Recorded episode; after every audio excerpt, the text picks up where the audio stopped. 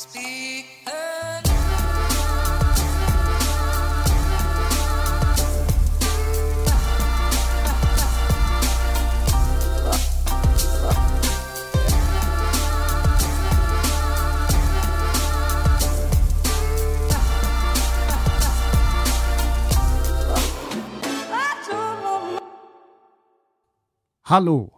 og god sommer til dere alle der ute. Eh, mitt navn er Kevin Kildahl, du hører på Klagemuren. Det er fredag 22. juli, um, og det vil jo også si at vi har et uh, horribelt jubileum i dag, eh, hvor, hvorvidt vi skal snakke om om akkurat den, det temaet. Det blir en, det blir en Det blir virkelig, det blir en ekte episode. Fy faen, det blir ekte. Helvete. Eh, som dere, uh, veldig mange av dere har fått med seg, så har jeg tatt en uannonsert ferie. Um, og det, det er ikke fordi at det, det, er, det er ikke fordi at jeg ikke har hatt lyst. Det har vært flere ganger jeg skulle egentlig ha spilla inn, men så kommer det småting opp imellom, og så bare blir det utsatt. Og plutselig, plutselig, så er vi ute og reiser. Og og ikke har tilgang til opptaksutstyr på lik linje som vi kanskje har her hjemme, hjemme i huset. Men jeg skal jo fortelle dere, selvfølgelig. Um, du, faen, hvor lenge siden jeg la ut en episode nå? Det er for lenge siden, og det beklager jeg på, til, på et visst nivå. Uh, egentlig på et ganske stort nivå. Uh, fordi at um, jeg har hatt uh, noen runder eh, med meg sjøl, og så har jeg og så har jeg Ja, jeg prata litt med både venner og litt med fagfolk og litt med fruen, og jeg har bare egentlig hatt en ganske sånn Det, det henger vel igjen ifra det er vel, Jeg var vel for tidlig med å si at alt var, alt var over eh, etter jul, når vi hadde vår lille psykiske dupp der. Um, men jeg har gjort, eh, jeg har gjort diverse realiseringer som eh, Og jeg vil også bare, til dere lyttere, eh, forklare at så, altså sånn, Egentlig så kom jeg vel frem til at pandemien har gjort noe med meg. Og da snakker jeg ikke økonomisk, sjøl om det er selvfølgelig en viss faktor oppi her. Men, men hvis du ser bort ifra det økonomiske, så eh, tok pandemien egentlig fra meg en stor del av gnisten og perspektivet og gleden med uh, egentlig hverdagen. Og den gjorde meg egentlig til et livredd, irrasjonelt og tidvis horribelt menneske. Som gikk fra å finne gleden til å få andre til å flire, til å tenke antall kroner på konto per smil. Skjønner? Hvor det Fordi at fordi at Det blir vanskelig å egentlig sette fingeren på hva som er den spesifikke grunnen, men uh, fordi at er jo veldig lett å si, for, for man leter jo etter en grunn til egentlig alt som skjer rundt det. Men det det egentlig har fått meg til å, til å innse, er at jeg må få tilbake det som driver meg med det her. Ikke bare med podkastinga, men med standupen og, og, eh, og jeg har jo ikke Det er ikke sånn at det, det sånn at det blir å slutte, men eh, poenget er at jeg må bare finne ut hva er det som eh, Jeg vil ha fokus tilbake til bra show og det å ha det artig i lag med publikummet, og ikke bare Det blir en sånn der Det blir en sånn der jobb der jeg liksom bare tar eh, Ser for meg at jeg tar på meg en en uh, Harvey Specter-type dress og en stresskoffert, og så bare går jeg til ei scene og gjør uh, mine antall inkluderte minutter per kontrakt, og så stikker jeg. Sant? Det er ikke sånn jeg vil ha det. Jeg vil ha det sånn at jeg, at jeg ser ut i salen og, og ser på eh, gleden som, som det her fremkaller. Ikke bare at jeg skal tenke å, har vi nok nå til å eh, beholde bilen og huset? Og fuck bilen, fuck huset, fuck alt det driten der. Det er ting. Det er ting som Ja, man er til en grad avhengig av, men eh, det er også fortsatt bare ting. Skal det da gå på bekostning av all glede du finner i å gjøre arbeidet ditt? Nei. Det burde vel egentlig ikke da. Du burde jo fære på jobb og, og glede deg til å fære på jobb. Ikke glede til fakturaen kommer inn. Selvfølgelig skal det være Selvfølgelig skal det være, skal du ha noe igjen for det arbeidet du gjør, men hvis du arbeider kun for eh, pengene, hvis pengene blir drivkraften, og de materielle og de eh, fine tingene du kan kjøpe deg for de pengene, hvis det blir det eneste som driver deg fremover, så, så blir du fort jævlig sliten. Og, og du blir ikke sliten av at det er så jævlig mye arbeid. Det som jeg blir sliten av, det er jo alle de nettene der jeg ligger våken, alle de gangene jeg setter meg inne i bilen min, slår i rattet, klikker, roper, hyler i min egen bil. Um, jeg, jeg gjør det. Jeg, jeg, faen meg, jeg er Det er ganger jeg har vært i tvil om blir å utløse airbagen. Blir bilen å ta igjen? den, den type banking og roping. Og, og jeg husker det er, sånn det, det er ikke sånn det skal være. Det, jeg husker jeg hadde sånn en periode i Trondheim. Jeg husker jeg slo sund i rattet på den uh, grå Pajeroen som han pappa ga meg når min brune Pajero ble kjørt i hjel i en uh, fjellvegg. Men altså Jeg vet, jeg vet faen. Det er bare Jeg har bare hatt en uh, intens indre vandring um, her en dag, og, og jeg ble tvinga til å på en måte møte mine egne demoner litt, og gjerne diskutere litt med meg sjøl hva er det egentlig som driver det fremover nå. Og jeg vil ikke si at det har skjedd uten at jeg har fått det med meg, men det har skjedd uten at jeg egentlig ville adressert det, hvor jeg har sittet hvor jeg har sittet materiell vinning over alt annet. Um, og, um, og det er ikke sånn det skal være. Det er ikke sånn det skal være. Og uh, det har gått utover uh, Ja, det har gått utover uh, vennskap, det har gått utover samarbeidspartnere, det har gått utover egentlig de aller fleste rundt meg. Og um, og det, det, er en ganske sånn tøff, tøff ting å, å, skal ta stilling til. For jeg, det er også en sånn typisk greie der jeg ikke er helt 100% sikker på hva som er veien ut av det. Og jo, jo, altså veien ut av det er jo å arbeide med det. Og jeg har ja, meldt meg på det her Rask psykisk helsehjelp i Bodø, som er tilbud i Bodø kommune. Nå så jeg inn på sida der at de har ferie, og det, det må jo de få lov å ha. Og det, det er ikke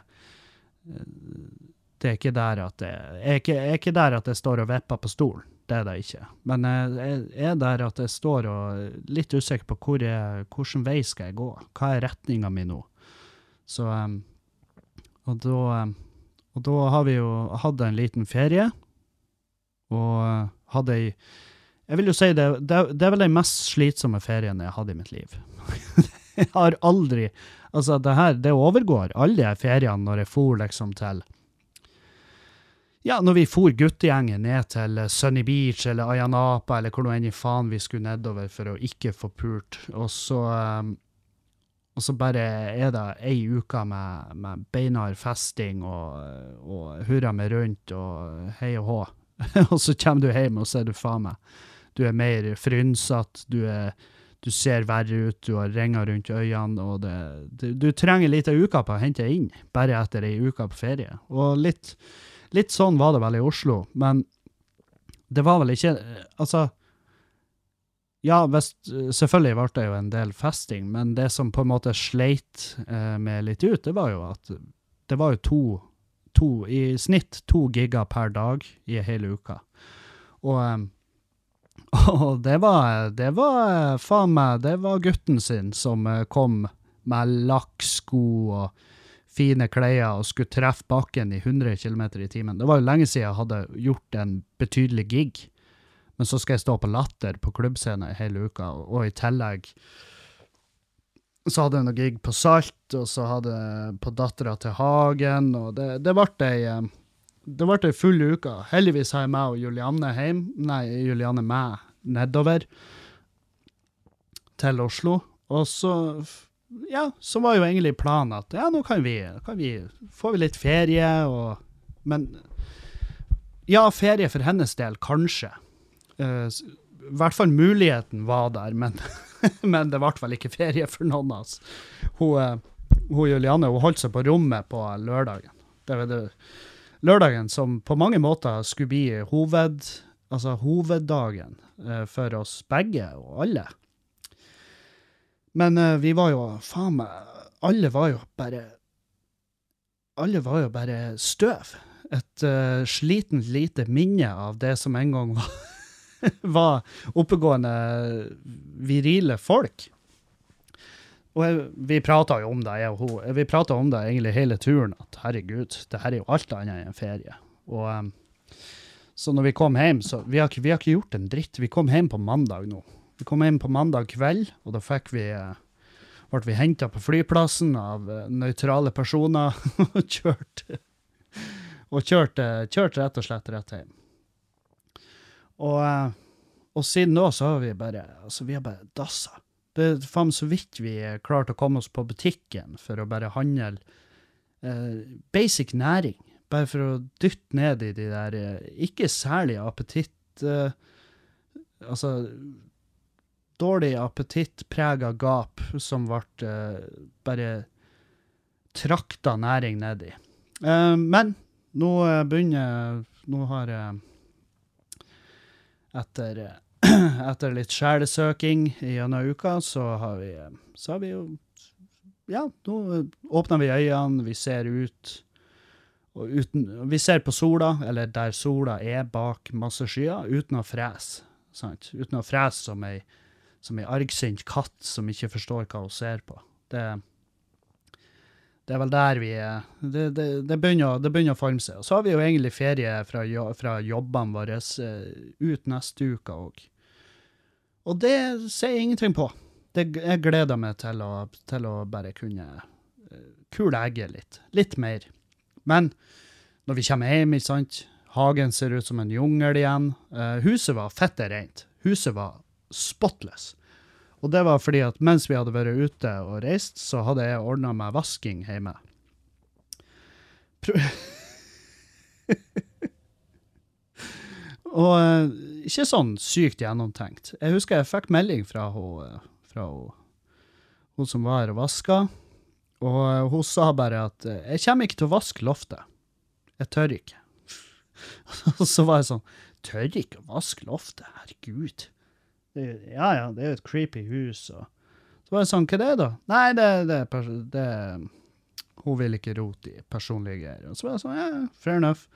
Men det er jo først når jeg kommer hjem at jeg innser at selvfølgelig er ikke det loftet av interesse, fordi at eh, det første du møter når du kommer opp trappa her, er jo ei stor eske.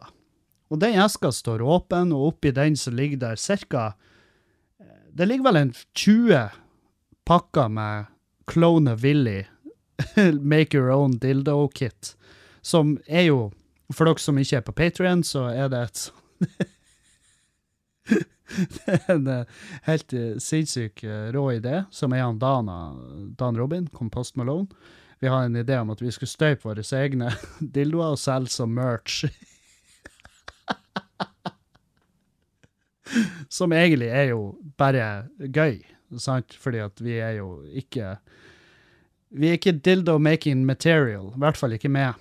Uh, men min, den jeg laga, den kan du bruke til å Jeg vet faen, hvis du hvis du fester den på en vegg, eksempel, så kan du henge en kopphåndduk eller uh, grytekluter på den. Du kan jo også henge nøkler, tror jeg, hvis du har ei. Jeg skal ikke snakke meg sjøl for mye ned, men uh, du, du må ha litt større nøkkelring. Men det fins jo. Alt fins. Alt fins i butikk. Så, så det der har jo stått ute i gangen når hun kom opp hit og tenkte ja, skal jeg vaske huset til de gærningene. Så det første hun ser, det er den eska der, og så går hun inn i rommet på sida.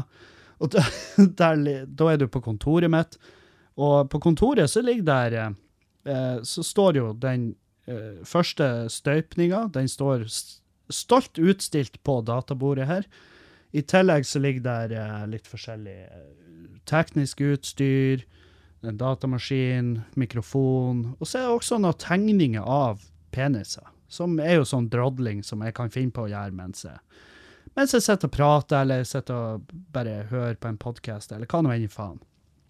Så jeg skjønner jo.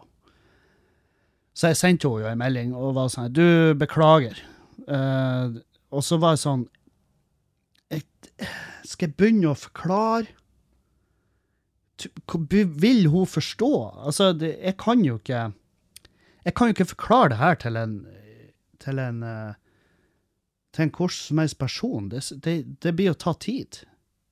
Så jeg var sånn, jeg, jeg bare beklager. Jeg sa sorry. Eh, sånn skal det ikke være. Det er ikke den, det er ikke den type uh, husstand vi vil være. Altså, vi har jo et, vi har allerede et rykte på oss den Bodø Nu-saken. Folk har sine tanker, meninger og teorier om hva som foregår i det huset her. Og hvis de hadde kommet inn mens vi var på ferie og fikk se den her, eh, altså det her bulkkjøpet av dildo-kits, så hadde de vel bare tenkt «Hæ, ja, jeg visste det. Jeg visste det. Det er det de gjør. De bare støyper dildoer og puler hele tida. Det er det de gjør. Ja da, det, det er virkelig Det er det vi gjør. Å, herregud. Uh, men ja, latter var, latter var helt fantastisk. Tusen takk til alle som kom, og alle som kom og hilsa på. Det setter jeg veldig pris på. Og jeg mollkosa meg på scenen jeg plater. Og det var godt med retur. Godt med eh, godt, godt å få møte eh, kollegaer. Gjort litt eh, Jeg hater å kalle det nettverking, men det, det er på mange måter da det er. Altså, godt å få møtt på kollegaer, godt å, å få jobba med eh, proffe folk. For altså, på Latter så er det Ting er i, på stell der. Og Ehm, nei, det var bare ta, Tusen takk til alle de som var på jobb på Latter òg. Helvete. Jeg, for jeg blir jo veldig nervøs. og Går og stresser og skjelver og kan finne på å spy og må på dass og Ikke sant? Men de, flere av de bare så hvor nervøs jeg var. Så, men herregud, faen, kos deg. Du har gjort det bra hele uka. Hvorfor skulle du gjøre det dårlig akkurat nå? Og masse sånn her veldig enkle, enkle, motiverende grep og, og setninger som kommer ut av de, av de flotte munnene deres. Og det, det treffer, og det hjelper. Så takk. Tusen takk. Um, nei, vi, vi tok oss jo en tur til Bergen først, og så til Oslo. Og den Bergen-turen ble jo, eh, jo bare eh, altså det var 100% avslapning i fokus der. Det var liksom det eneste som var på menyen. Det var jo Man hadde jo planer og tanker om hva vi skulle, hva vi, hva vi skulle bedrive tida med der. Og, men eh, det ble Vi landa på bare pur, pur jævla avslapning. Og det er jo et tegn på at det er akkurat da du trenger. Fordi at den tida opp mot og nå eh, spoler vi veldig tilbake, men det, det, det er nødvendig for at jeg skal få For at jeg skal greie å holde en viss en viss kronologi i det her, eh, i det her eh, myriadet av prat og meninger og ting og tang. Men vi reiste jo nedover da til Bergen eh, lørdag den 9. juli. Det vil si at hele den uka fram til der, og uka før der igjen, så var det altså bare arbeid. Arbeid, arbeid, arbeid. Og jobbing, jobbing, jobbing. Og jeg har bare Altså, jeg har gjort alt mulig. Jeg snekra. Snek, altså sånn tradisjonelt snekkerarbeid. Jeg bytta vindu og dører og herja og styra meg. Jeg drev på å hjelpe han onkel, og, og det har tatt mye mer tid. Fordi at når, når jeg drev på og monterte et vindu, så sto jeg ute på en sånn balkong. Og så var det sånn at balkongen, den, den lar vi stå. Den skal ikke rives. Men jeg gikk jo gjennom dekket der. og når jeg gikk gjennom dekket på balkongen, så tok jeg meg for Altså, jeg prøvde jo eh, å holde meg over bakken. Jeg ville jo ikke dette eh, ned i gresset, sant? for det er høyt. Uh, og da tar jeg meg for, og så tipper vinduet som jeg driver på å montere, det tipper inn i huset, og bare, og bare går rett i gulvet. Så det var jo eh, Så det var jo eh, frustrerende. Så det endte med at vi rev balkongen òg, for det var virkelig på tide. Og så i tillegg så eh, Men vinduet klarte seg. Vi berga vinduet. Det er helt utrolig.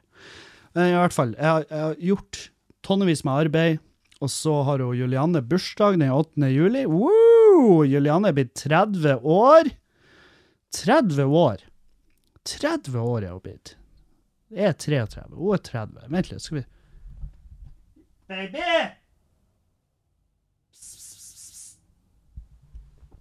Jeg bruker å kisse på henne, og det er ikke fordi at jeg ser på henne som en katt, men det er fordi at det har bare på et eller annet vis blitt det sånn her han eh, når, når jeg prøver å finne henne mens vi er ute og handler i butikk og sånn, så bruker jeg å kisse på henne. Og det hjelper. Hun, eh, hun kan høre det gjennom en hel Coop Ops, og så kommer hun daltende med hva nå enn hun har vært funnet seg for noen varer. Og, eh, og, så hun var 30 år den 8. juli, og skulle vi reise bort den 9. juli, relativt tidlig. Eh, så var, så den bursdagsfeiringa hennes og jeg spurte henne på forhånd. Jeg var sånn her, du, Vil du ha en svær helvetes bursdag? Du blir jo 30, det er jo runddag. Vil du ha en svær eh, greie? Jeg spurte henne vil du vil, Og det her er den type forhold vi har. Jeg kjenner henne såpass godt at jeg vet hm, Jeg tror ikke jeg skal sette opp noe sånn her gedigen overraskelsesbursdag, fordi at eh, basert på eh, hun som person og det humøret som Altså sånn hvor lett trigga vi har vært humørmessig i det siste, så, så var jeg sånn Kanskje ikke en, en overraskelsesbursdag full av eh, en blanding av familie og beste venner og vagt bekjente. Jeg tror ikke det er løsninga her. Jeg tror det, det, jeg tror ikke det er veien å gå, nødvendigvis. Og jeg tror jeg fikk rett i det.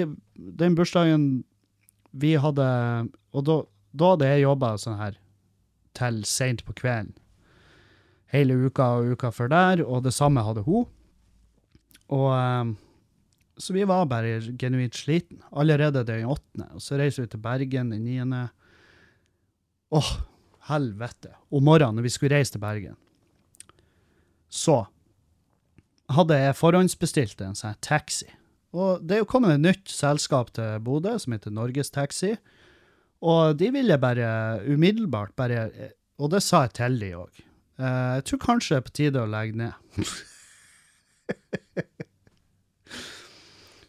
For jeg begynte å stusse litt når, eh, når klokka var liksom på slaget. Jeg hadde bestilt den til halv ti. Halv ti om morgenen. Da skulle han være her. Og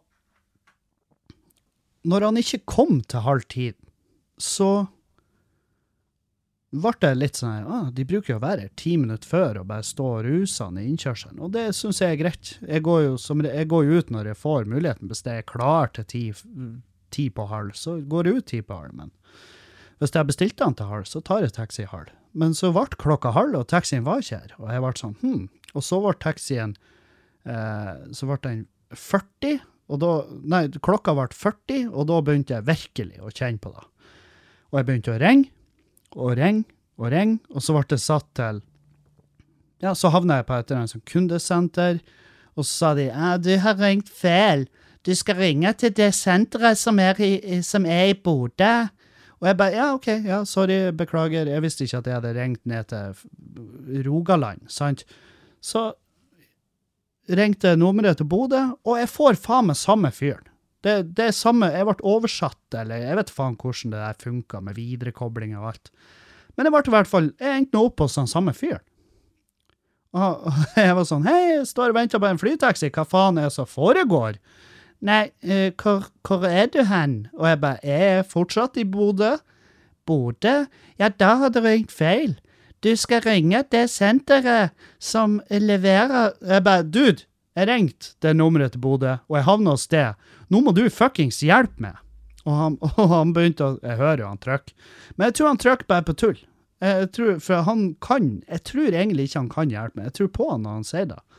Men ikke irrasjonelle, dritsinte Kevin som skulle ha vært på flyplassen allerede. Og i disse tider, som i hvert fall de tidene som var da, når det var helvetes streik opp etter ørene, sant? Kaos på flyplassen. Jeg har ikke lyst til å møte jeg har ikke lyst til å møte seint til det kaoset, for det kan koste oss turen. Og jeg er stressa og jeg er stressa, og mens jeg er på tråden med Norgestaxi, så går jeg ned, og så uh, kontakter jeg leieboeren. Jeg vekker leieboeren. Jeg hamrer på døra som om det brann i huset. Og han kommer ut og bare 'Hei, hva skjer?' Og jeg bare 'Dude, du må kjøres på flyplassen umiddelbart. Det haster'. Og så sa han 'Ja, det kan jeg godt gjøre'. Så jeg er ypperlig. Og så tar jeg telefonen, og så sier jeg til han stakkars fyren i røret og sier 'Du, det ordner seg, men ikke på grunn av dere'. Så mitt forslag er at dere bare legger ned bedriften. Og bare «Eh, 'Vi er nettopp Vi har nettopp åpna i Bodø'. Jeg bare 'Ja, legg ned'. Det er best å bare legge ned nå. Før dere, før dere kjøper inn masse møbler fra Levini og setter på, kun, altså på hovedbasen, og at dere begynner å kjøpe inn garderobeskap og, og begynner å printe ut og skaffe ramme til månedens employee og begynner å samle tunggods til årsfesten på kontoret som skal finansieres kun av tunggodset fra de ansatte. før dere begynner med den slags. Før dere begynner å lage lister til My Secret Santa. Før dere begynner å undersøke muligheten for å booke min trio til å spille fire låter på julebordet deres. Legg ned før dere kommer så langt. Legg ned før dere bestiller en kaffemaskin fra Friele som det kommer en eller annen fyr og fyller på sånn der heslig kaffenektar som skal oppbevares i kjøleskapet, så råtner han. Ja, selvfølgelig råtner han, for det er alt annet enn kaffe, din kuksuger. Før dere kjøper dere en sånn og setter den på ei vill abonnementsordning på kontoret for å få høyst, høyst middelmådig kaffe som kun funker til å skjølle gjennom tarmsystemet deres. Før dere gjør det, legg ned. Legg ned Norges Taxi. Kun på bakgrunn av min ene dårlige opplevelse den dagen jeg var sykt stressa. Men jeg, jeg dobbeltsjekka. Holy helleroo! Jeg dobbeltsjekka at ikke de trakk meg for den turen der. For jeg hadde bestilt turen på Vips, altså, eller via app, og betalt med Vips, og jeg tenkte, de pengene der, de pengene der, dæven steike, jeg er klar. Jeg er klar for å Jeg er klar for å kjøpe masse små brune ko- konvolutter og sende inn hundedrit til jeg mottar de pengene. Så forbanna var jeg. Jeg, jeg var så forbanna at jeg ikke så han så da, men når vi kjørte innover og kom til flyplassen og svinga inn der, så så jeg en norgestaxi, og da viste jeg finger under døra. Jeg holdt Jeg var så forbanna at jeg viste finger til taxien, men under døra, sånn at han ikke skulle se det. For jeg, innerst inne så skjønte jeg vel at nå er du hun Toril. Nå er du hun det argsinte fitta som klager på Facebook fordi at du ikke fikk taxi akkurat da. Har, kanskje, hvem vet, kanskje det har skjedd noe? Kanskje det har skjedd noe horribelt? Kanskje han fyren bare Kanskje han fyren bare ikke, ikke fikk det med seg. Kanskje han fyren glemte av? Kanskje han krasja? Hvem vet? Kanskje han krasja? Kanskje han kjørte på en syklist? Kanskje han sto i dusjen ekstra lenge?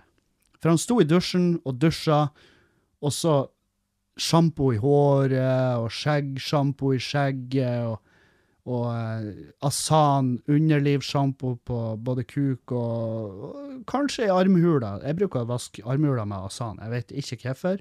Jeg bare føler at det er den rette såpa for armhula mine. Det kan hende jeg tar feil, mest sannsynlig gjør jeg det. Men kan, han brukte ekstra lang tid. Han kjørte Å, faen, stemmer det? Det er jo, det er lørdag morgen. Jeg må ha langdusjen. Jeg må ha helgedusjen. Skikkelig, skikkelig gjennomført helgevask med grov, grov rens og dyp rens. Og ekspoliering. Jeg må ha maske. Skrubb. Facial scrub. Og så går han løs på fjeset sitt, sant? Mens han står der. Og da er klokka fem på halv. Da er jeg sånn oh, ja, kommer taxien straks, må du skynde deg, baby. Må du være klar, nå skal vi til Bergen, baby. Sant? Mens han sto og skrubba fjeset sitt, og så var han sånn Herregud, jeg vasker jo aldri føttene. Hvem som vasker føttene sine? Hvorfor skal vi vaske føttene? Jo, det, vi burde vaske, burde vaske føttene mye mer nøye. Fordi at det er føttene, all driten, all driten fra håret, skjegget ditt, fjeset ditt, fra armhulene, fra brystkassa, fra ryggen, alt det driten blir med vannet, og så renner det nedover føttene dine. Og føttene dine, hvis de er hårete eller ikke, det driter i. Er festet- det driten fester seg der. Så du går og er bunntung av skit. Det var den tanken som slo han i dusjen der. Han bare, når i faen var sist jeg vaska meg mellom tottelottene? Det er lenge siden jeg har vaska meg mellom de heslige, illeluktende tærne mine. Kanskje da er grunnen til at jeg er flau hver gang jeg drar på en skobutikk, og de spør vil du prøve skoene, og så ser jeg de dypt i øynene, så sier jeg nei. Det er det beste for oss alle hvis jeg lar være. og så gikk han løs på føttene og vaska de, og han var sånn, hva faen skal jeg vaske de med på det punktet her? Det er jo år og dag siden sist jeg løfta fotbladet mitt og så under da. Og her ser det jo faen, det ser jo ikke ut. Det ser ikke ut under føttene mine. Det gjør ikke det.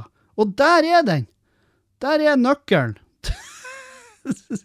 Der ligger nøkkelen til hengerlåsen, som står parkert ute i innkjørselen, som ikke får brukt fordi at låsen er på og jeg mista nøkkelen. Nøkkelen var jo der hele tida, under foten min.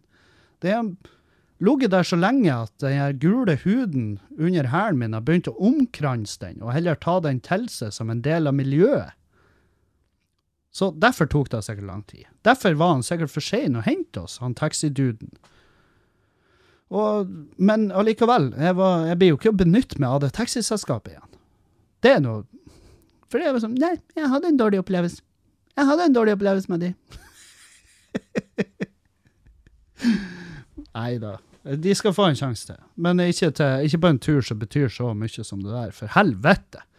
Hvis jeg hadde mista den, hvis jeg hadde mista det flyet, da hadde jeg mista hele uka i Oslo. Jeg hadde mista turen til Bergen. Eh, Jeg og Julia Altså, jeg, jeg, jeg klarer ikke Jeg klarer ikke å illustrere hvor jævlig krise det har vært.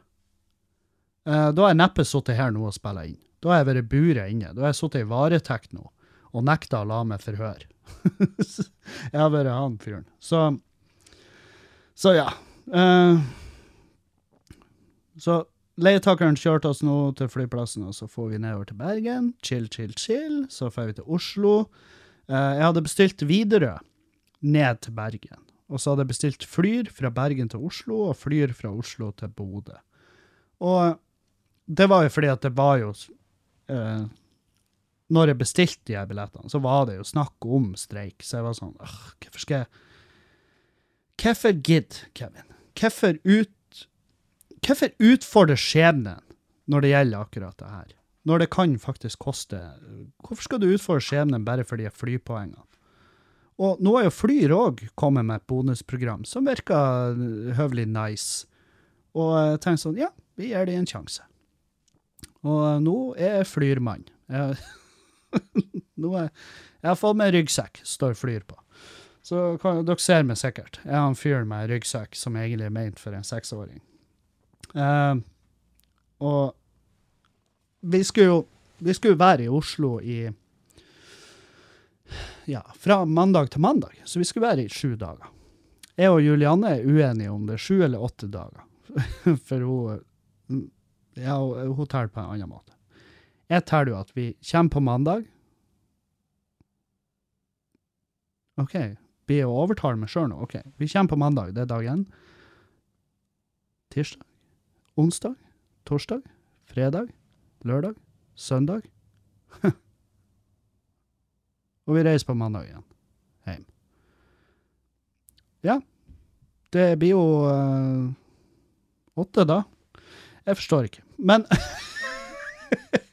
Dere skjønner. Jeg skulle være der hele jævla uka.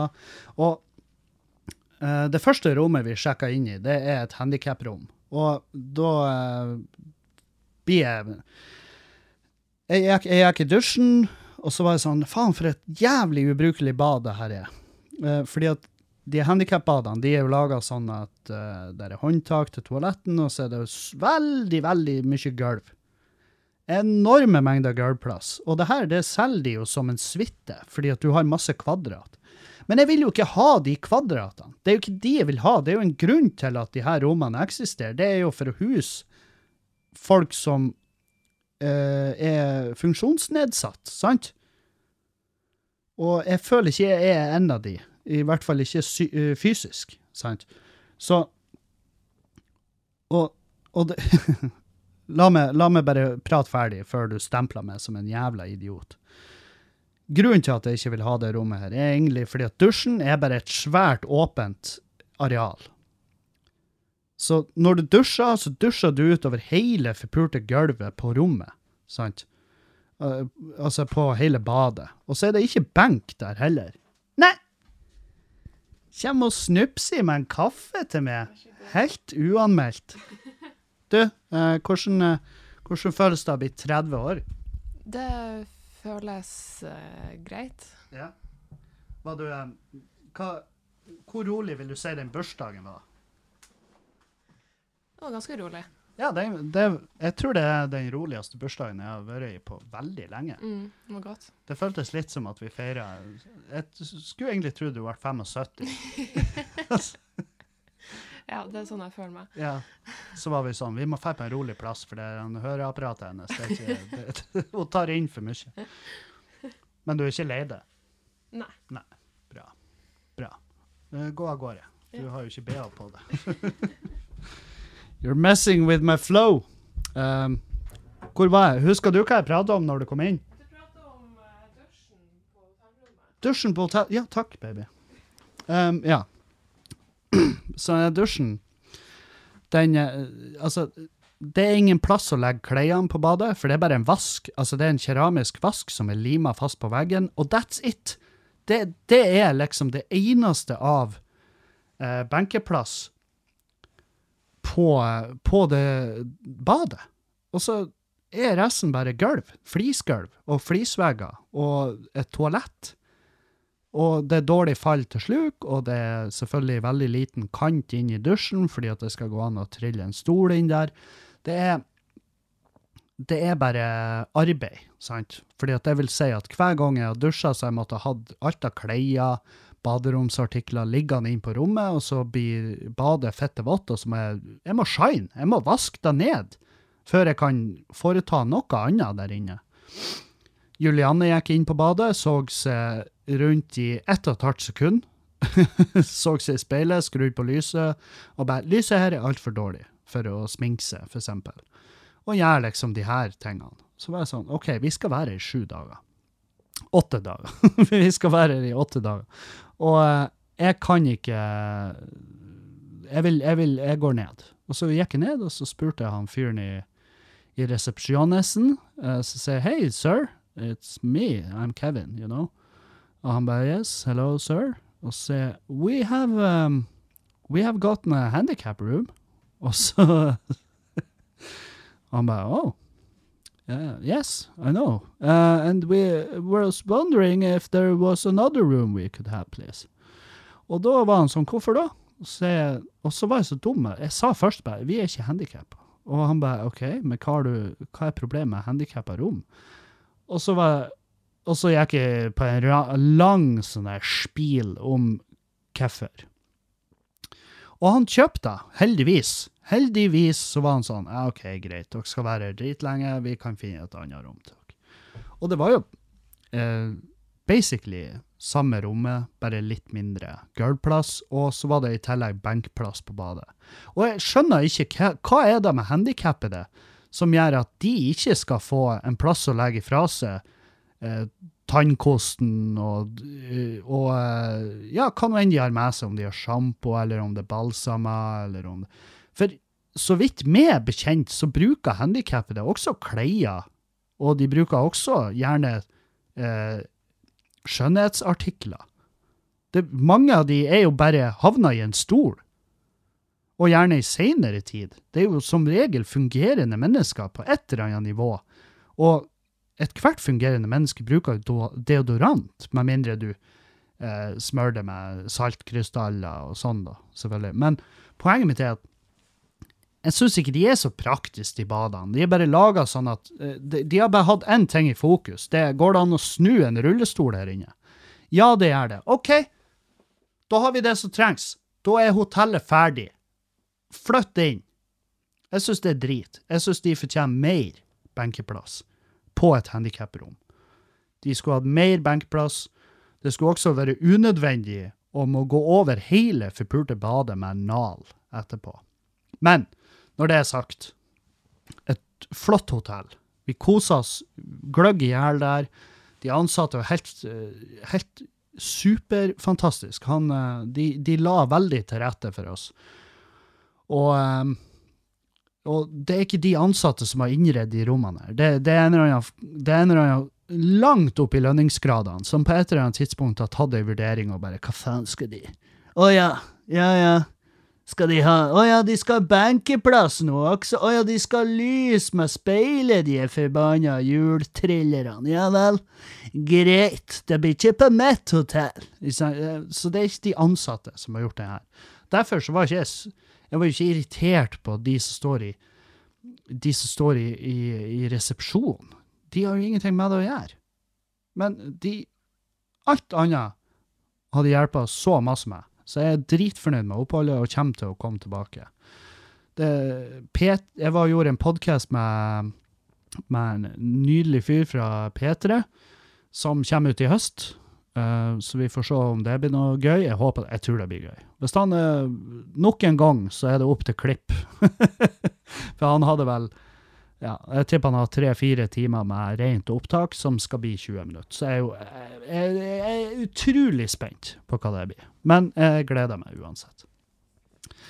Um, og det, det hjalp de oss med. Vi var sånn OK, akustikken på rommet er litt sånn eh, wonky, og det er trangt der, og vi har ikke to stoler, så det blir litt vanskelig å spille inn på rommet. Så vi fikk hele frokostsalen for oss sjøl ut på dagen der, hvor vi satt og spilla inn lenge, og de ansatte for og gikk på bomull rundt oss og bare var dritbra folk. Så tusen takk.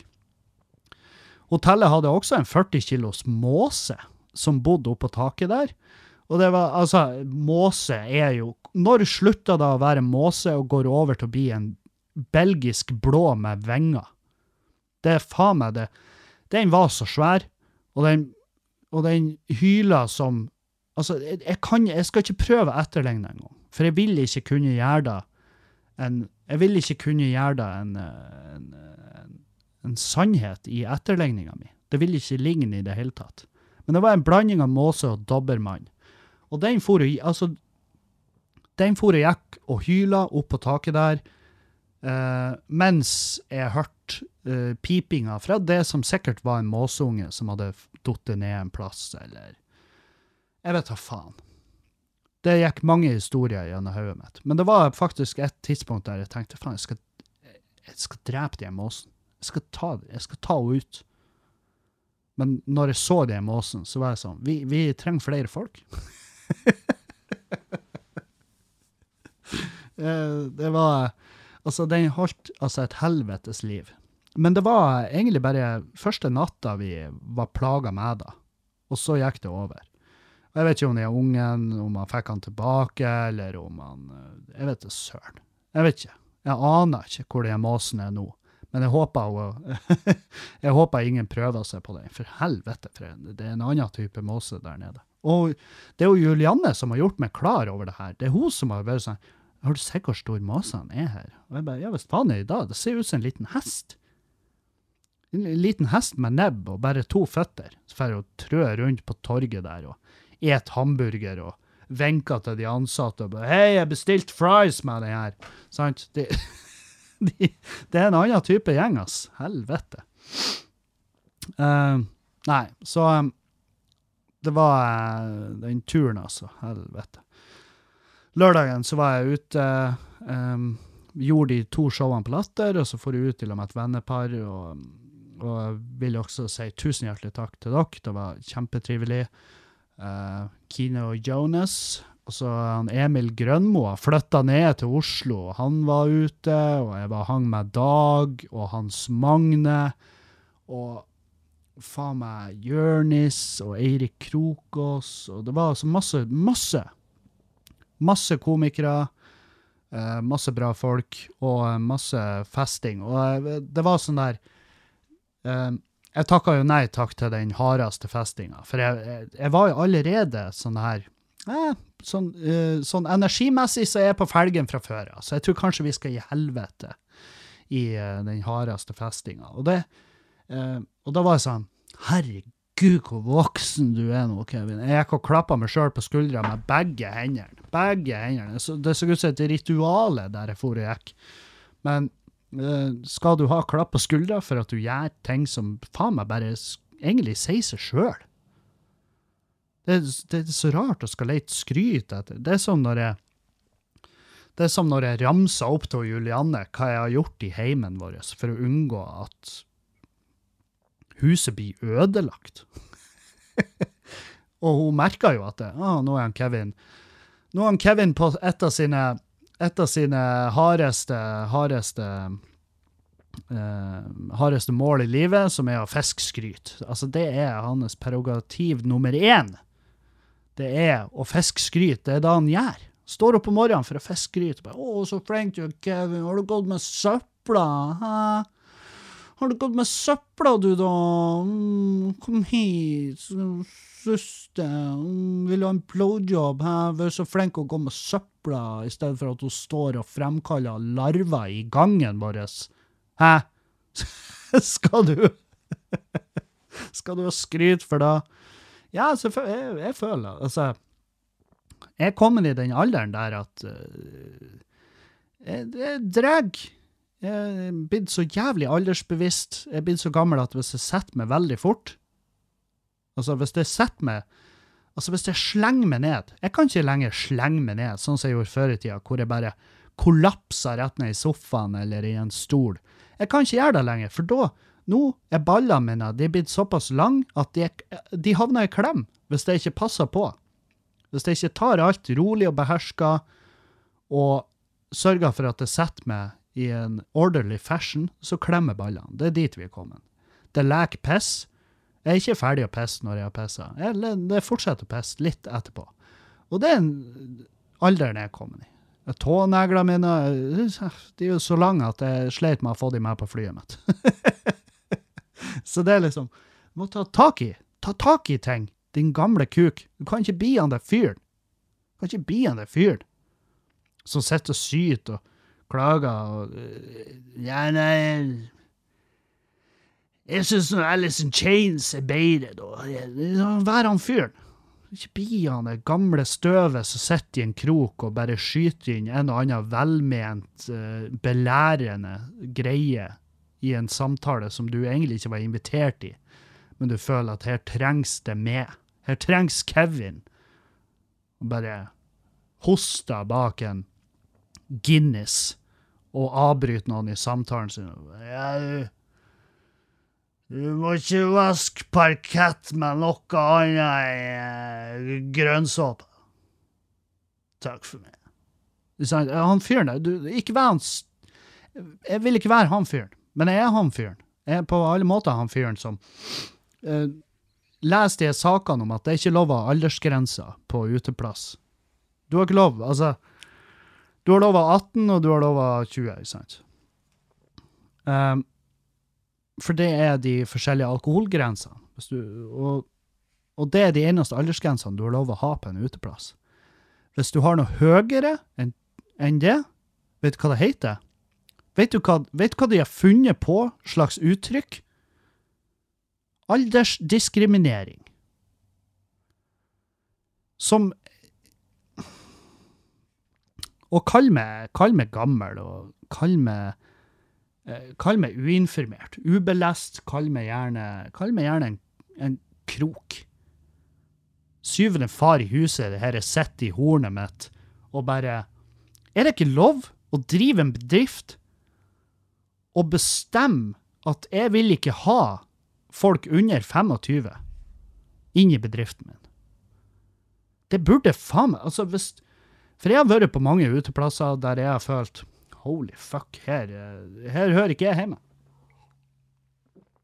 på grunn av enten alder eller hvor jeg er i det sosiale rangstigen. Ikke sant?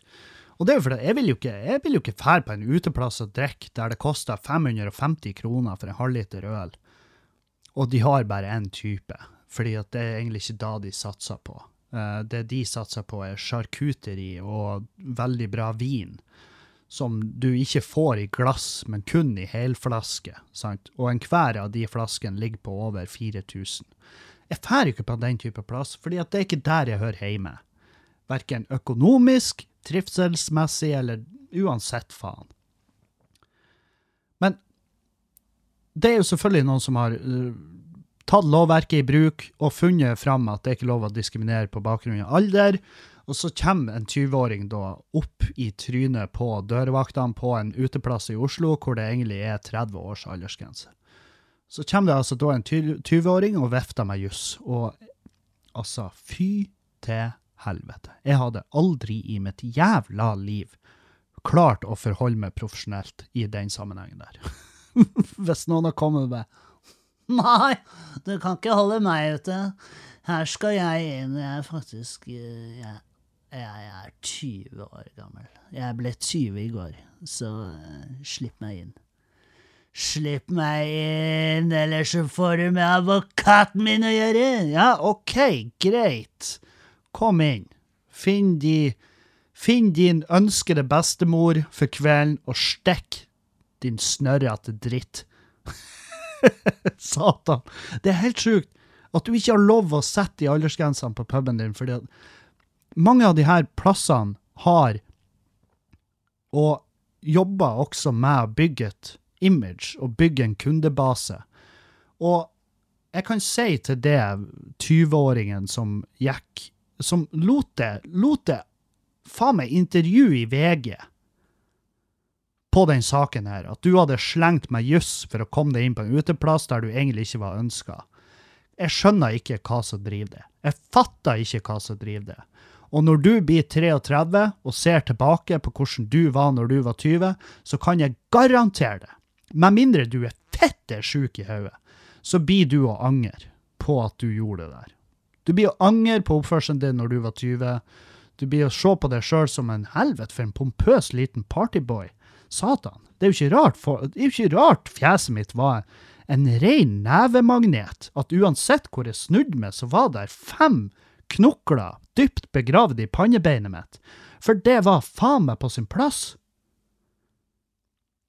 Når du sitter 33 i lag med guttene, og dere sitter og prater om ah, fy faen, jeg hater kjerringa, jeg hater ungene, jeg hater jobben min, vi skulle ha dratt vi skulle ha dratt til Marseille og smakt på en uh, fantastisk rødvin de laga der på en bodega jeg har kontakt med via Facebook.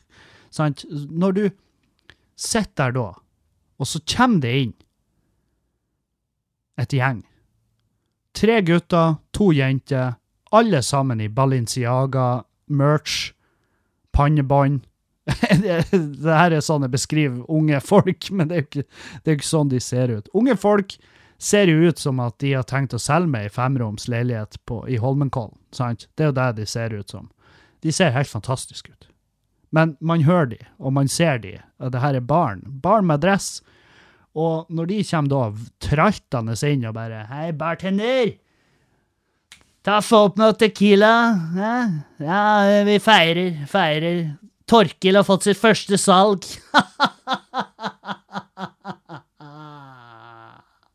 Sant? Så tenkte du jo at faen òg, vi er på feil plass. Det er jo masse barn her. Det er masse barn her som skal feire sitt første salg. Du hørte de. Vi, vi drar en annen plass, og så drar de en annen plass. Og så er det òg fullt av 20-åringer, fordi at de har ikke lov å nekte de. Og er det så deilig å være en plass der du ikke er ønska, bare fordi du kan? Altså, jeg Jeg vet jo at jeg kan fære i kirke. Jeg kan fære i kirka på Halsa, men folk hadde kommet til å stusse. Folk hadde kommet til å synes det var rart, for jeg har krangla høylytt med det religiøse Flere fra det religiøse trossamfunnet, kristendommen, på Halsa. Og hvis jeg da plutselig hadde bare møtt opp i kirka og sittet meg ned der, så hadde de vært sånn mm, Tviler på at han er her for å søke tilgivelse. Tipper han er her for å irritere noen. Ta Få han til å fuck off. Men jeg, Jeg vet da faen. Jeg tror ikke de har like lov. Jeg, nå er jeg litt usikker på kirke, da. Det er klart, eh, hvis, du, hvis du har sagt den og den tingen, og kanskje den og den tingen har blitt oppfatta feil, så kan de jo nekte å komme inn der. Hvis det ble oppfatta som f.eks. en trussel. Men det er ikke det jeg blir anklaga for. jeg blir anklaga for grov blasfemi, og det, det må jeg bare stå for. Det er en ting jeg skal ta med meg i grava, og så er vel ikke den tingen det blir å si til hvem nå enn som skal se med svinnhen. Så blir ikke jeg å si til de at ja, faen, jeg savna Jeg, jeg angrer. Angrer på at jeg var så slem og eh, spotta Gud. Det angrer jeg på. Det gjør jeg ikke. Jeg har, jeg har plenty! Jeg har 14, 14 vogntog jeg skal angre på før jeg kommer tilba så langt bak i lasten at det er sånn Ja, faen, stemmer det. Sorry for at jeg sa til det at Gud er en, ikke finnes, og om han finnes, så er han en dømmende kuk. Så Men ja. Det burde være lov. Jeg syns det skal være lov å sette aldersgrense på puben min, eh, eller puben din, eller alle sine puber. Og det er vel det mest Det er vel det mest uh, politiske du får ut av meg i dag. Nei, ikke nødvendigvis det mest uh, vi, vi kan prate litt mer om politikk. Hva annet? Jo, Abid Raja er ute og eh, kjemper den gode saken for cannabis og legalisering og Og um, det var Jeg liker hvordan han eh, For det, det kom bare ut av ingenting. Det, jeg har aldri visst at han var pro i det hele tatt. Og det kan være min egen feil, at jeg ikke har fulgt med, men når jeg fikk tilsendt av en av dere lytterne, sendt meg den statusen, og det her må jo hjelpe på. Og det vil absolutt hjelpe på. Det vil hjelpe så veldig. Fordi at Og her er grunnen til at jeg ikke skriver så masse kronikker på det. Det er fordi at jeg prøver å forholde meg rolig i båten. Fordi at i en sak hvor det prates om legalisering og avkriminalisering, så er jeg inhabil som faen. Og det har jeg sikkert sagt flere ganger, men jeg er jo en inhabil fyr. Jeg, jeg har jo virkelig all personlig gain å hente på at det her skjer. Så eh, Og det er litt sånn, jeg vil ikke at det, at det skal være det argumentet som brukes imot meg i en diskusjon. Så jeg bare forhold meg rolig i båten. Forhold meg rolig i båten. For det er meg de snakker om. Og eh, Men Abid gjør sykt mye gode, eh, gode argumenter.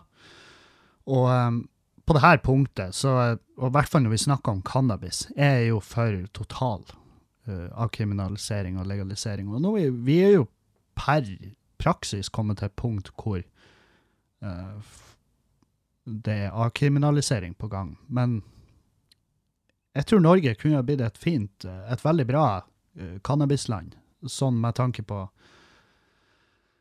ja, med tanke på økonomien og vår teft for system. Altså Hvis det hadde sittet i system og solgt regulert i Norge, så hadde Norge altså det hadde, det hadde gjort merkbar forskjell på økonomien. Og i tillegg så hadde det gjort eh, merkbar forskjell på budsjettet til politiet, hvis de fikk viktige ting å jobbe med, i stedet for å i stedet for å kødde rundt med noe som de egentlig ikke 100 tror på sjøl. For det er litt den feelingen. Ikke bare den feelingen, men det er også den meldinga man får hvis man hvis du prater, hvis du setter ned og har en samtale med en politimann, som jeg har gjort ved flere tilfeller, så vil du møte på folk der som er sneversynt, men du vil også, egentlig i de meste tilfellene, spesielt hvis du prater med en politimann som har jobba noen år, så vil du forstå at det her er ikke en dum fyr, det her er eh, Eller en politikvinne, en politibetjent av uansett kjønn. Jeg sier bare politimann, for det, det er vel egentlig de eneste jeg kjenner og har hatt en lengre samtale med.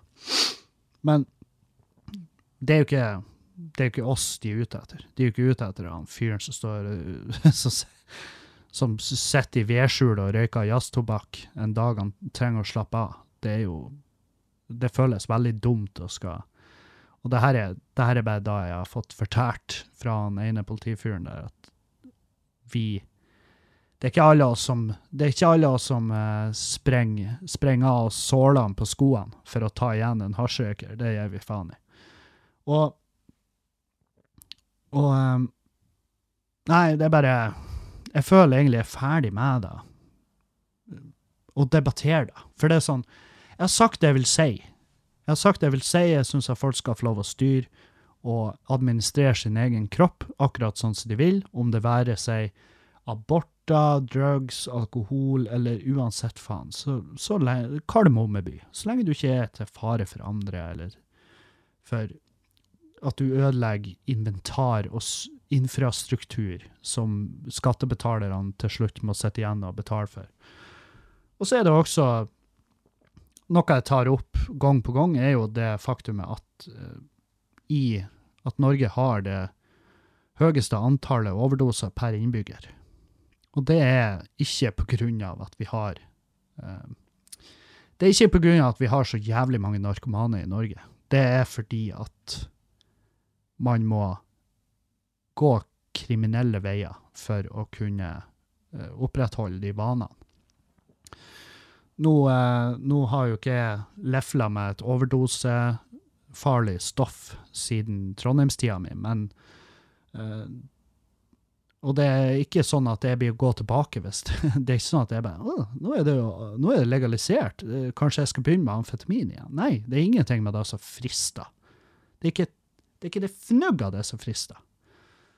Men det som frister, er å kunne er å kunne bare være seg sjøl uten, uten å ha det aspektet med at ah, jeg valgte å ta meg en joint i kveld istedenfor å drikke med dritings.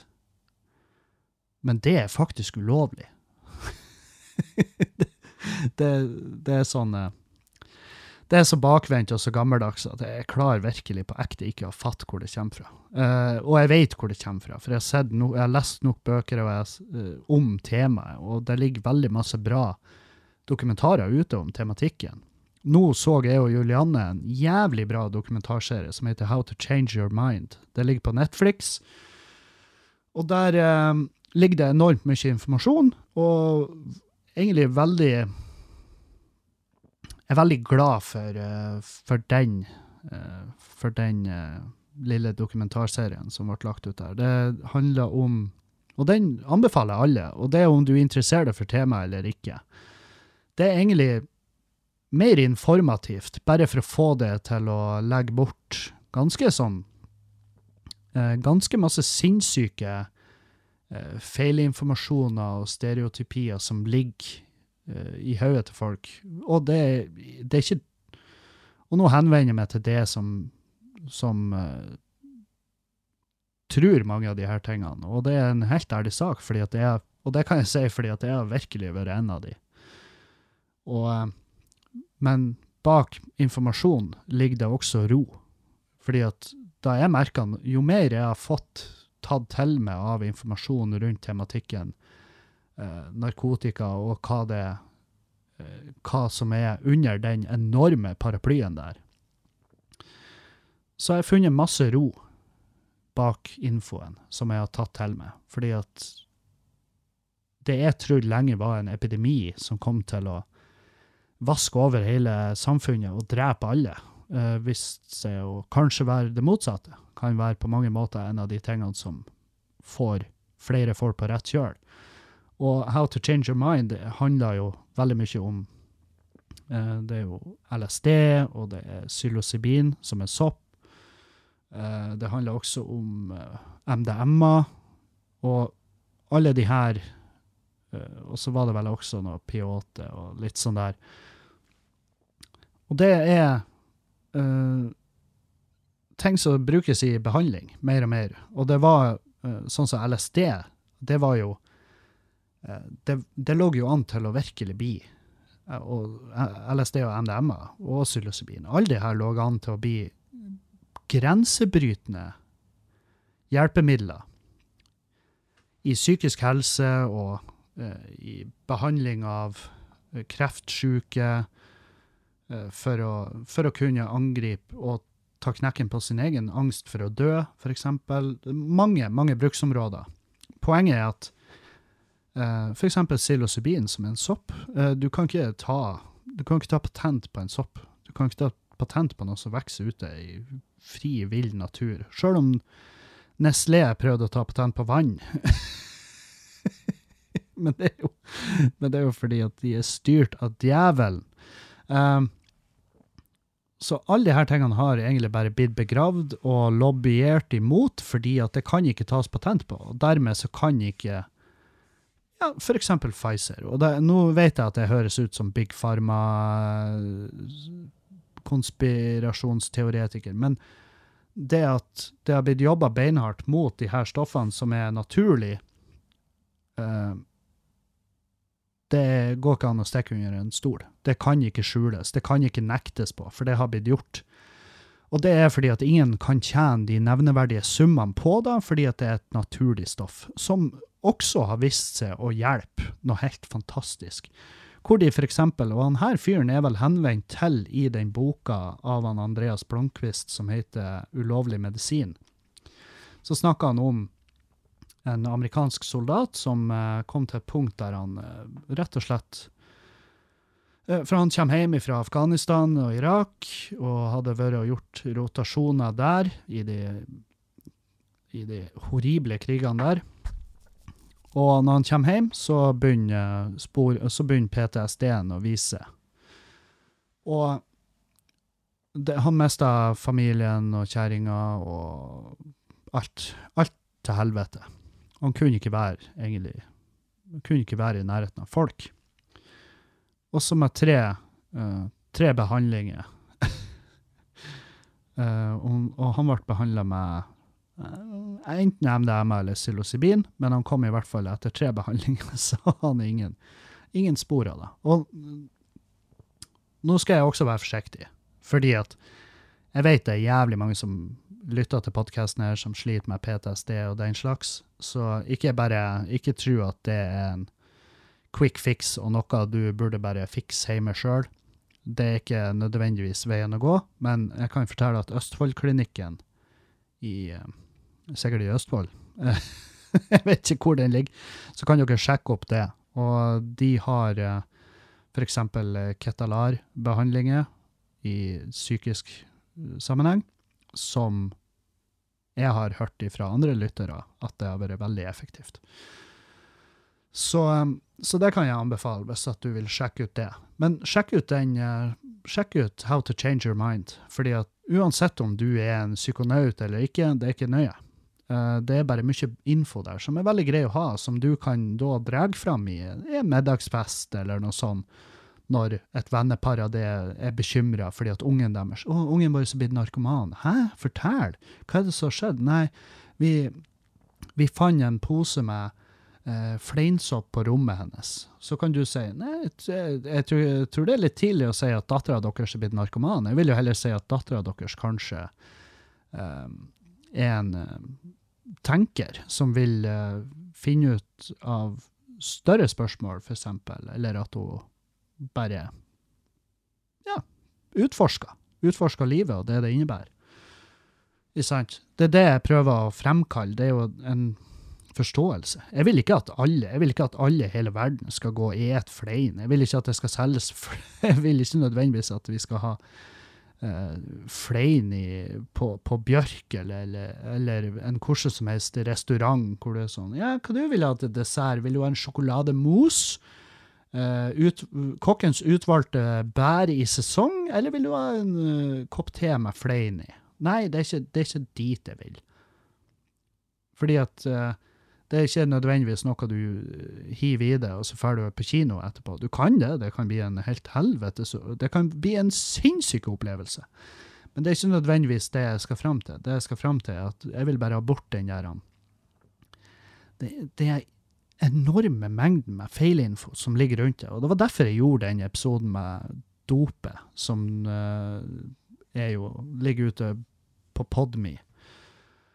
Som er en veldig bra, veldig, veldig bra podkast, som jeg vil anbefale egentlig også til alle som bare liker info. Som bare liker info og liker historie. For det er en stor del av begge deler der inne. Og ingen info eller historie kan ikke skade. Uh, OK. Uh, jeg har fått et spørsmål som uh, som jeg var litt sånn i tvil om jeg skulle ta, gå løs på, men det er unaturlig å ikke nevne noe om det.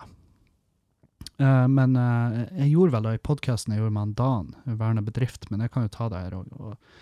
Eh, og se om dere plukker opp og på tonen her.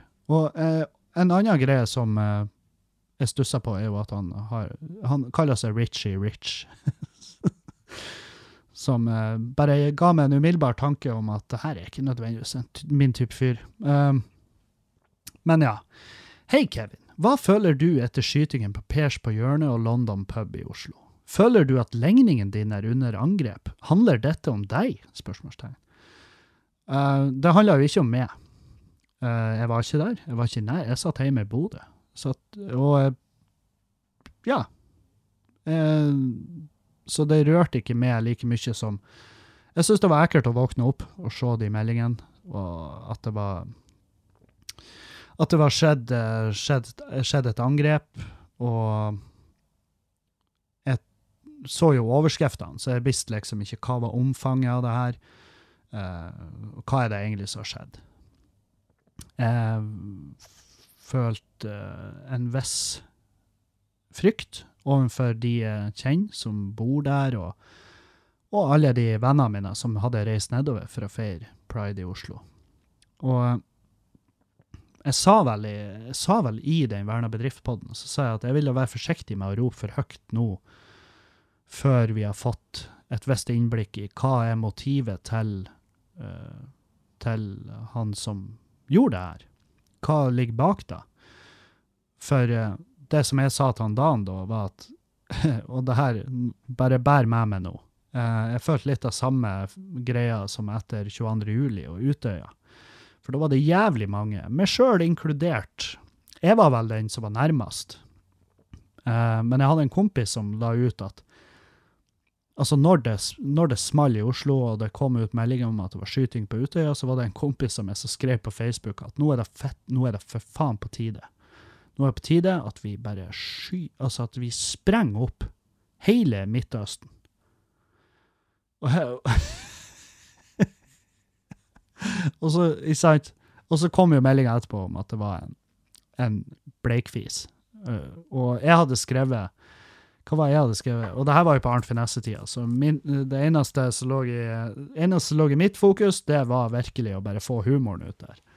Så jeg skrev vel et eller annet det her må være det drøyeste PR-stuntet til Frp noensinne. Og uh, den i dag Nei, jeg ville ikke posta det i dag. Dårlig humor. Det er bare Det jeg kaller slett arbeid. Men eh, unektelig så må jeg Jeg må jo kunne si at uh, jeg trakk litt på øyenbrynene når jeg skjønte at det var faktisk en fyr fra Frp. Og han representerer jo ikke partiet, han stemte Frp, og han var vel aktuell, eller han var ikke aktuell, men han var vel aktiv innenfor partiet for lenge siden.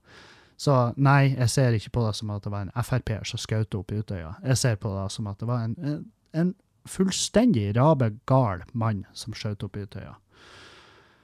Og etter å ha sett videoen av han fyren som skjøt opp Pers på hjørnet og London pub, så tenker jeg at her òg snakker vi en fette gal fyr.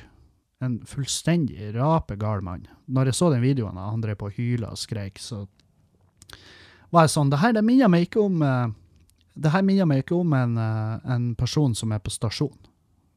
Og åpenbart, han har jo skutt Han har jo utført ei masseskyting.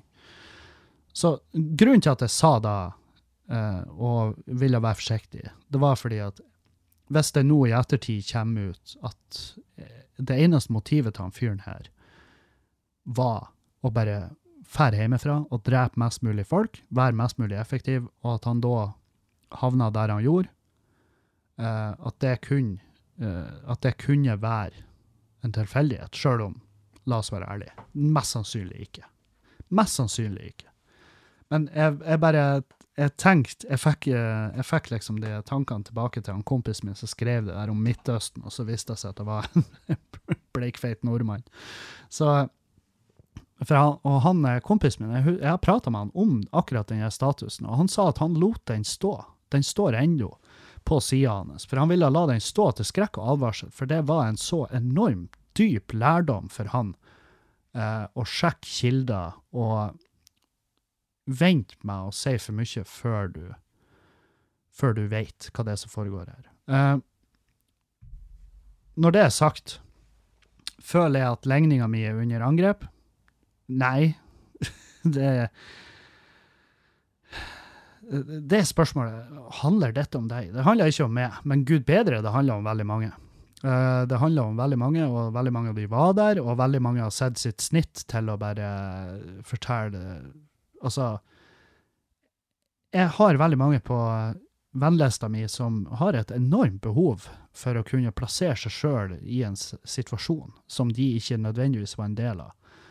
Og og det, jeg syns det fort kan eh, se litt tarvelig ut, men i samme tid så uh, viser de jo egentlig bare på Det de viser, er jo at det her har truffet meg, sjøl om jeg ikke var der. Det har truffet meg på et sånn nivå at jeg faktisk må ut og prate. Men når det eneste du er ute etter, hvis det er sympati det, det blir du ikke få. Det blir han fyren som ble skutt i fjeset.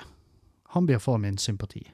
Ikke ikke du som satt på toget over Dombås når det her skjedde. Um, I akkurat dette tilfellet så er det han som blir å høre Så blir å vi tida mi til uh, på en måte de som har noe matnyttig å komme med. Og veldig mange av de som har skrevet lange, dype kronikker etter det her, som ikke var der, som har kommet med veldig gode eh, poenger. For det poenget som står seg gjennom det her, er jo Det her er en av grunnene til at vi trenger pride. Du trenger å kvele deg i hjel. Kvele deg i hjel, hele det her eh, Tydeligvis en eh, enorm mengde redsel og hat som sitter inne hos folk. Og det Ja, nei Pride-flagget henger ennå hos oss, og det er ikke bare latskap. Det er også en grunn til det. Det er fordi at pride for meg er bare det å kunne være seg sjøl og elske hvem man vil. Og skytinga i Oslo gikk inn på meg på den måten at um, det var veldig mange uh, Veldig mange Ja, den følelsen som gikk igjen, var at det, det her er grunnen. Det her er grunnen til at vi trenger pride. Det er et ypperlig eksempel på hvorfor. Norge er ikke Norge er ikke Altså, Norge er et land som går foran i veldig mange greier, men uh, på akkurat det her feltet så er ikke Norge fremst. På ingen måte. Man kan gjerne tro det, fordi at Norge er eh, verdens beste land å bo i. Nei, det er ikke det lenger. Og, og det kan vi gjerne strebe etter, men da må vi faktisk gjøre et ekte type arbeid. Og da er eksempel det her, sånne her ting, det må, det må kveles i krybben. Fordi at det, det må ikke få den type grobunn som, eh, som det kan få. Men hvem faen er jeg? Hvem faen er jeg? Eh, så vi se hva det var annet jeg hadde her. Ja, nei, jeg finner det ikke. Men eh, eh, vi skal ta kveld. Eh, nå i helga så skal jeg stå eh, på, i morgen, på lørdag, i Tjongsfjord, på showet til min eh, gode lille nydelige lillebror som heter Henning Bang. Og så skal søstera hans og Sofie Bang skal eh, debutere som komiker. Det blir jævlig fett. Jeg gleder meg. Eh, Så hvis dere bor i området, så bare kom. Og hvis du bor i Meløy og har litt lyst til å kjøre til Tjongsfjord for å få med deg showet, ja, ferga korresponderer. Så det er bare å komme. Kom, kom, kom. Kom i mitt fjes med latteren din, ikke noe annet. Alt annet enn det vil ikke bli mottatt med glede, men heller med et Hvorfor gjør du det der? OK, adjø. Jeg er glad i dere, elsker dere. Adjø, adjø, adjø.